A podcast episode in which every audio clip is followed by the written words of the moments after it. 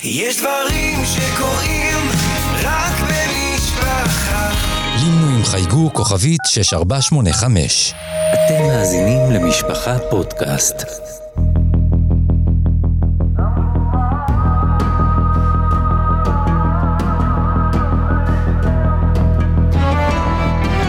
מזרח תיכון דוקטור ליאור אלפרוביץ' יוצא למסע היסטורי בארצות האסלאם. שלום וברוכים הבאים לפודקאסט על המזרח התיכון. בפרק הקודם התחלנו את מסע ההיכרות עם המזרח התיכון בשאלה. מהם גבולותיו? במסגרת המענה על השאלה, הצגנו את החברה השבטית שפעלה בערב טרם עליית האסלאם. עוד הוספנו כי האסלאם ביקש לאחד את השבטים הערביים המפוצלים לאומה של מאמינים. מסקנתנו הייתה שהמזרח התיכון הוא כינוי הסובל מאופי מעורפל למדי. אך לשם הדיון, התחלנו להגדיר אותו באמצעות קווי מתאר גיאוגרפיים שיצרו עבורנו תמונה של אזורי ליבה ופריפריה. גילינו שאזור חצי האי ערב, הכולל גם את תימן, הוא הליבה של מה שאנו קוראים המזרח התיכון. אליו הוספנו גם את מדינות המפרץ, עיראק, ירדן, מצרים, סוריה, לבנון וישראל. וגם החלטנו לכלול את טורקיה ואיראן.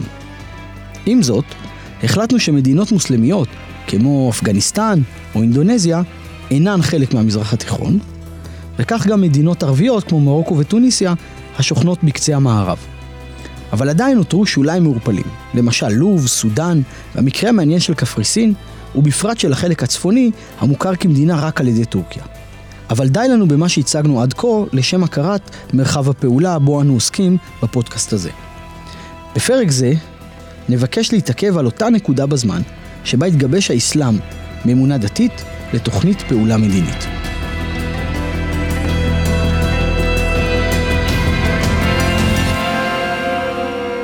את הפרק היום נפתח בצעד לאחור. ליתר דיוק, 1453 שנים לאחור, אל שנת ד' אלפים ש"ל, היא שנת 570 למניינם. המקום הוא העיר מכה השוכנת בחבל חיג'אז, שבמערב חצי האי ערב.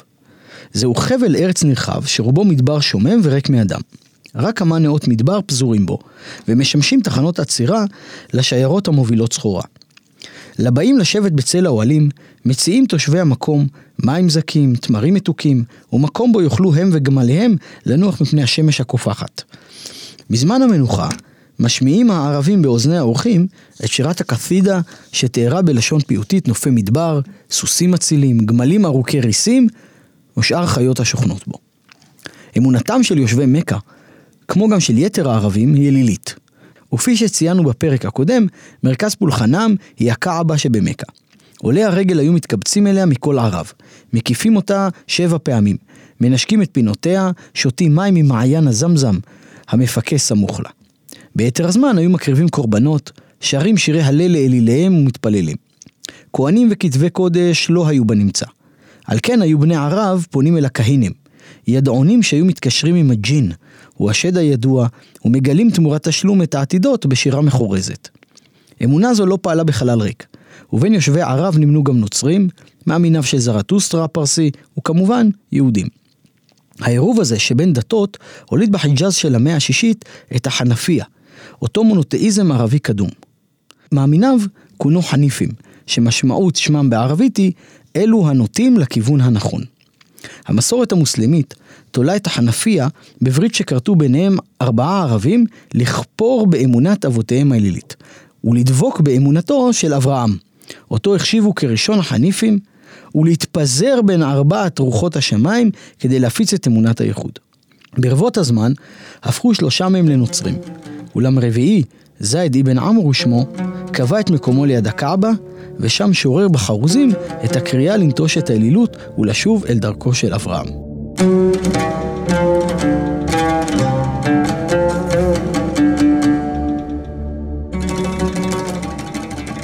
בין המשפחות הנכבדות במכה, ששמן נקשר עם הקעבה, נמנתה משפחת האשם משבט כוריש.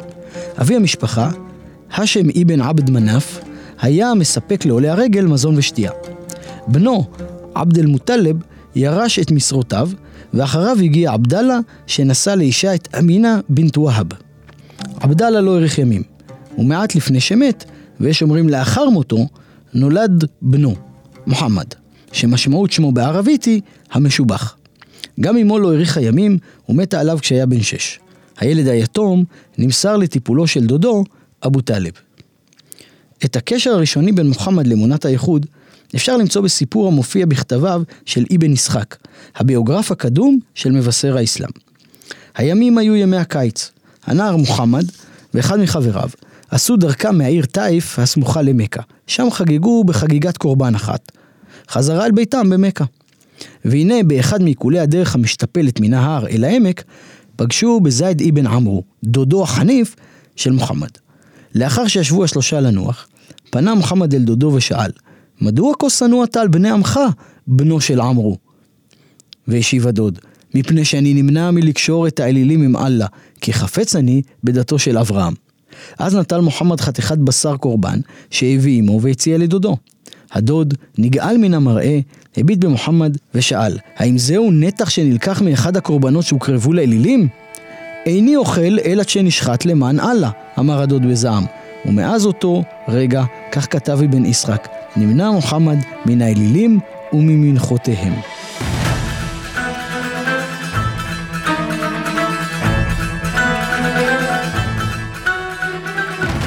בשנות ה-20 המוקדמות לחייו, היה מוחמד סוחר החוצה עם שיירותיו את מדבריות ערב. המסורת המוסלמית מתארת אותו כגבה קומה ורחב כתפיים. זקנו מעוקל ורעמת שערו השחורה כלואה לשתי צמות שהשתלשלו מאחורי אוזניו. באחת הפעמים יצא למסע בשליחותה של חדיג'ה, אלמנה עתירת נכסים. משחזר, מסר בידה את הרווחים שהפיק. והיא הציעה לו להינשא.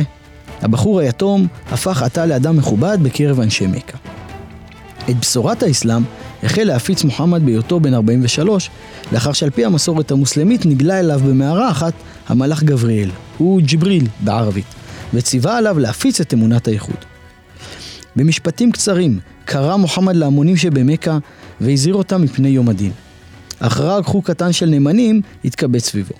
בראשם עמדו רעייתו ובן דודו עלי, בנו של אבו טלב.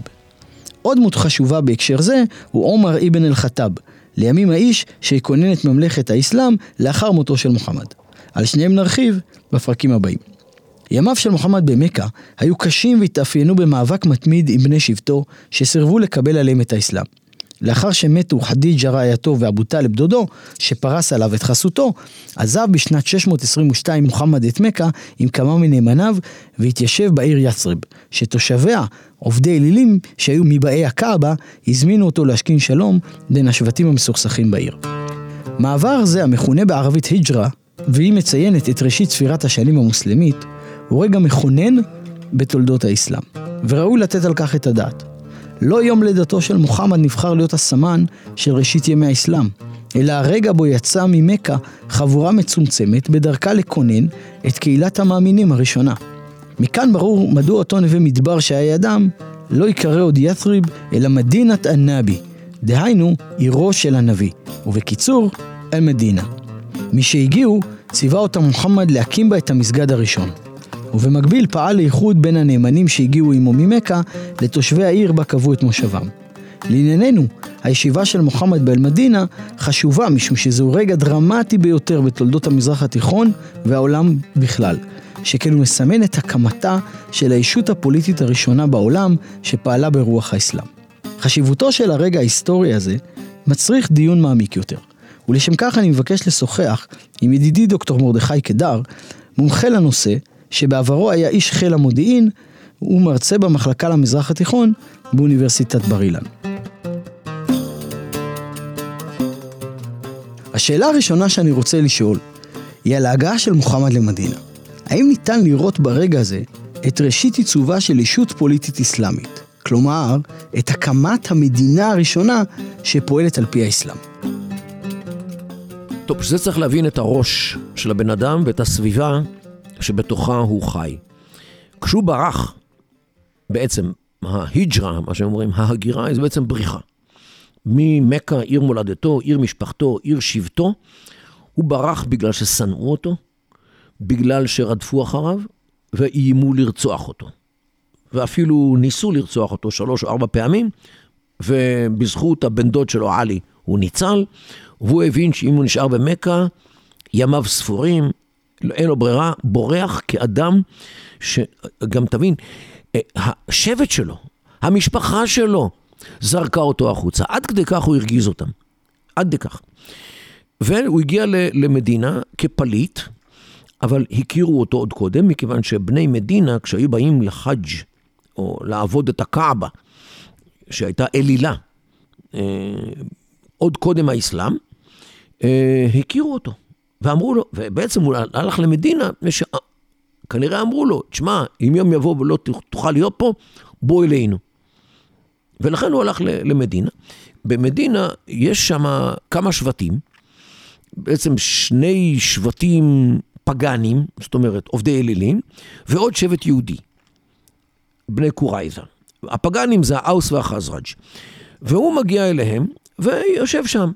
אבל היות שהוא היה אדם זר, אז הוא יכול להיות שופט. למה? כי הוא לא מכיר. לא את זה ולא את זה. כי באים שניים לפניו, הרי גם, גם אצלנו הכלל הוא לא תכיר פנים במשפט. וזה כלל עליו אה, ידוע. זאת אומרת, אם באים שניים להתדיין, והדיין מכיר אחד הצדדים, הוא לא יכול לשבת בדין. כי זה על פניו נראה שהוא מכיר את אחד הצדדים, וגם עד היום זה כלל במשפט בכל מקום בעולם. אתה לא יכול לשבת בדין כשאחד המתדיינים הם מכיר שלך, קרוב שלך ודאי וכולי. אז גם הוא, היות שהוא היה זר, לא מבני המקום, הוא יכול להיות שופט, כי הוא לא מכיר אף אחד. לא יודע מי עשיר, מי עני, מי חזק, מי חלש, באים שניים, כל אחד מספר את הסיפור, מאמין לפלוני ולא מאמין ללמוני. ולכן הוא נהיה שופט. אבל מהר מאוד הכירו בתכונות שלו, והוא נהיה שופט ראשי של העיר, ואז הוא נהיה השליט של העיר. שנתיים אחרי שהוא הגיע, הוא כבר היה שליט. תחשוב על השדרוג ש... שהוא עבר מאדם נרדף ו... וכמעט נרצח בעיר מולדתו, הופך להיות לצ'יף של עיר, כן, למנהיג וממונה, כן, על עיר שלמה, וגם עם, עם אפשרות גם לצבור כוח צבאי. זאת אומרת, לאיים כאילו על מכה, עיר מולדתו, באמצעות צבא. אז זה, זה העניין. עכשיו, כשהוא בונה את הקהילה, הוא בונה אותה על בסיס כפול. בסיס אחד זה שמכירים בו כמנהיג, אה, שכן, מנהל את כולם, מה שנקרא מנהיג, מנהיג ארצי. כמו כל מנהיג היום בעולם. הצד השני, זה מכירים בו כמנהיג בחסד עליון. זאת אומרת, בהיותו נביא. אדם שמחובר אל היושב במרומים, מקבל ממנו את ההשראה, ובגלל שהוא מחובר הוא לא מסוגל לטעות, מה שנקרא בערבית מעסום.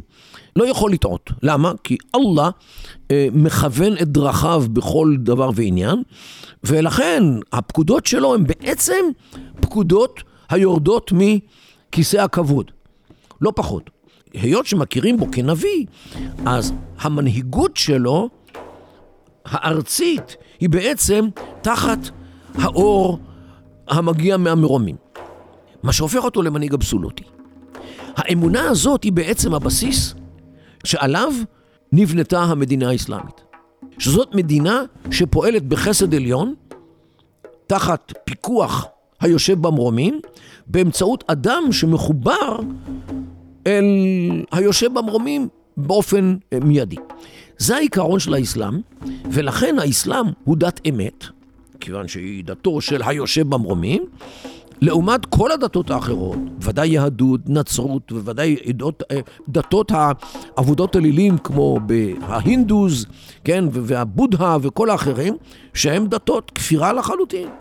זאת אומרת, קבלת המדינה האסלאמית כארגון שמאורגן על ידי השליח של היושב במרומים, בעצם הופכת את המדינה האסלאמית למדינה היחידה בעולם שיש לה זכות קיום.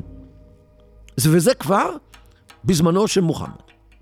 על הבסיס הזה קמה המדינה. השאלה הבאה והמתבקשת בהקשר זה, היא על האופן שבו המדינה האסלאמית הזו שהוקמה במדינה, המשיכה להתקיים כישות פוליטית אחרי מותו של מוחמד בשנת 632. הרי מוחמד לא השאיר שם של יורש, אבל אנחנו כן יודעים שלאחר מותו של מוחמד נוסד מוסד החליפות. אז מה אתה יכול להגיד לנו על המוסד הזה? המונח חליפה בערבית, בעברית חליף וגם קייליף נגיד באנגלית וכולי, זה בדיוק המילה בעברית מחליף. כי השורש חלפה בערבית הוא בדיוק השורש בעברית, לבוא במקום. החליפים, הם ראו בעצמם מחליפים בהיבט הארצי, השלטוני. הנבואה הסתיימה עם מותו של מוחמד, לא רק שהסתיימה, היא הסתיימה בכל העולם. מכיוון שהוא היה חתם אל-אנבייה, זאת אומרת, חותם הנביאים. אדם שחתם את פרק הנבואה בתולדות העולם. אחריו לא יהיה עוד אה, נביא. לפניו היו, אחריו יותר לא יהיה. ו- ולכן הוא גם מסכם את תקופת הנבואה בעולם, ולכן הנבואה שלו היא השורה התחתונה של כל פרק הנבואה בעולם, ולכן הוא בעצם, נבואותיו הם הרלוונטיות ביותר. הוא השאיר, על פי האמונה האסלאמית, הוא השאיר את המרשם של איך לנהל את המדינה, באמצעות הקוראן ובאמצעות החדית', זאת אומרת, התורה שבעל פה. יש רק בעיה אחת קטנה, הוא לא השאיר את האופן שבו ייבחר חליף כל פעם שחליף קודם, או הוא עצמו, עובר מן העולם. המנגנון של בחירת המחליף, ובגלל היעדר מנגנון כתוב בקוראן ובחדית', כל אחד, אחרי שהוא מת, משך את העגלה לכיוון שלו, עד שהעגלה נשברה, וזה בדיוק המחלוקת הגדולה בין מה שנקרא הסונה והשיעה. שאליה אנחנו נגיע בפרק הבא. כי המחלוקת הזאת בבסיסה היא השאלה של מי החליף את מוחמד, מי היה המחליף, החליף, כן? הלגיטימי. האם זה היה בן דודו עלי, שנתמך על ידי הסיעה של עלי, שיעה בערבית, סמך ושין מתחלפות, ובין האחרים שלקחו לו ושתו לו את החליפות, והם בהמשך נקראים חורס אל-סונה, או שומרי הסונה, שומרי המנהגים של הנביא, מנהג הנביא. אה, שאלה אחרונה, אני רוצה להתמקד ביהודים שחיו באזור אה, מדינה. מה אנחנו יודעים עליהם? מה תוכל לספר עליהם? שום דבר על השבטים הללו לא מופיע במקורות יהודים. אין מילה וחצי מילה, לא שם ולא עצם העובדה שישבו שם יהודים. אנחנו מדברים פה באזור שהוא 200 אה, קילומטר צפונה מתימן. לגבי תימן יש ספרות מפה ועד סנעה על יהודי תימן. והם היו שם החל מבית ראשון. כבר שלמה שולח את הנציגות הראשונה לאזור ההוא, מה שנקרא שווה, כן? שמלכת שווה הייתה אחת מנשותיו של, של, של שלמה. אה, אה, כבר הוא שולח לשם את הנציגות הראשונה, כנראה מסחרית. זאת אומרת, יהדות תימן מתועדת לכל תקופותיה. מצפון לתימן, זאת אומרת, בחיג'אז, באזור שבו אנחנו דנים, מכה מדינה בעיקר, אה, לא קיימת במקורות היהודים שום אזכור. בשום מקום, גם לא מתקופת הגאונים שבאה אחר כך. לפי מה שאתה אומר, נראה שהשבטים הללו הם לא יותר ממיתולוגיה. הקוראן מזכיר לפחות שני עמים מיתולוגיים שהוא, שיש סיפורים עליהם, אבל לא יודעים איפה ומתי. אחד קראו לו עד, עין א' ד', והשני זה סמוד, ת' פסיק, מ' ו' ד'. יש סיפורים עליהם, לא יודעים איפה חיו, מתי חיו, מי הם היו, לאן הם הלכו, מה קרה להם, כלום. מיתוס, אוקיי? לכן, לגבי uh, uh, הנושא, השאלה ששאלת, לגבי אותם יהודים, כל מה שיש לנו זה ממקורות אסלאמיים. במקורות אסלאמיים, דבר ראשון, הם היו בעל פה. ואתה יודע, מקורות בעל פה, או שאתה יודע פחות מהמורים שלך כי שכחת, או שאתה יודע יותר ממה שלמדת, כי אתה המצאת. זה טבעו של חומר בעל פה, אוקיי? ובאסלאם, הסוג השני של המצאות, עבד שעות נוספות. בעיקר על רקע המחלוקת הגדולה בין הסונה והשיעה על הירושה של מוחמד, כי כל צד המציא חדית' כדי לבסס את תביעתו לשלטון.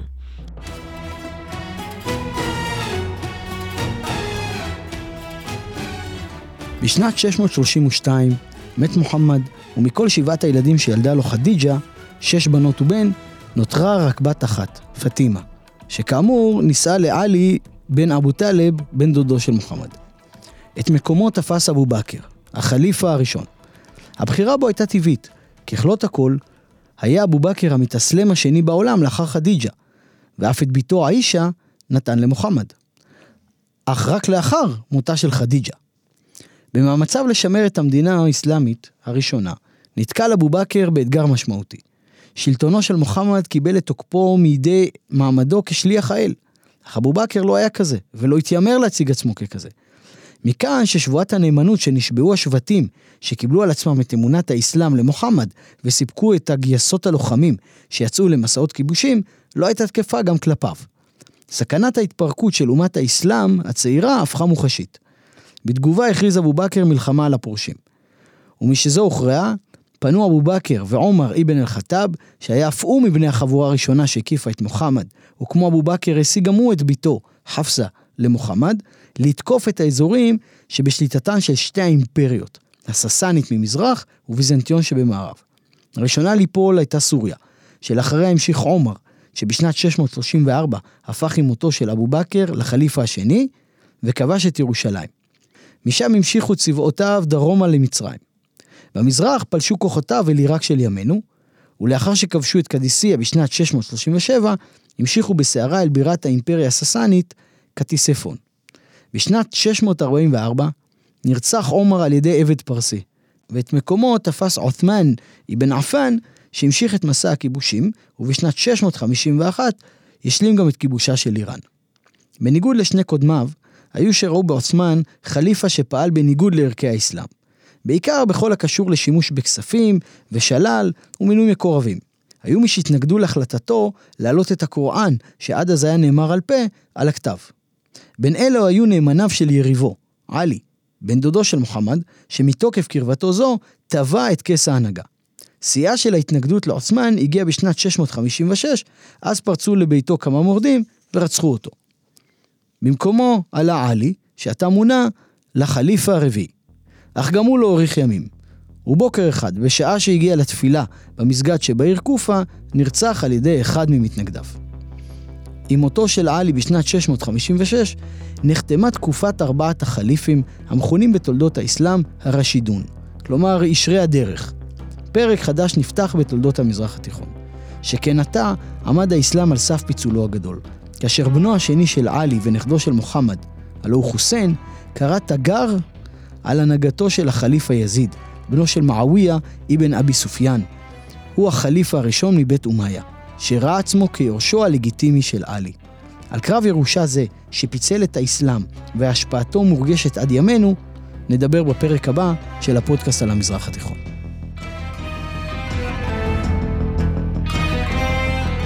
האזנתם ל"המזרח התיכון", מסע היסטורי בארצות האסלאם מבית משפחה, פודקאסט. אני ליאור אלפרוביץ'. תודה לעורכת תהילה סיטון, למפיקה איילה גולדשטיין ולעורכת הסאונד שיראל שרף. אפשר להזין לפרקים נוספים בכל אפליקציות הפודקאסטים, באתר משפחה ובקו הטלפון 02 65 23 820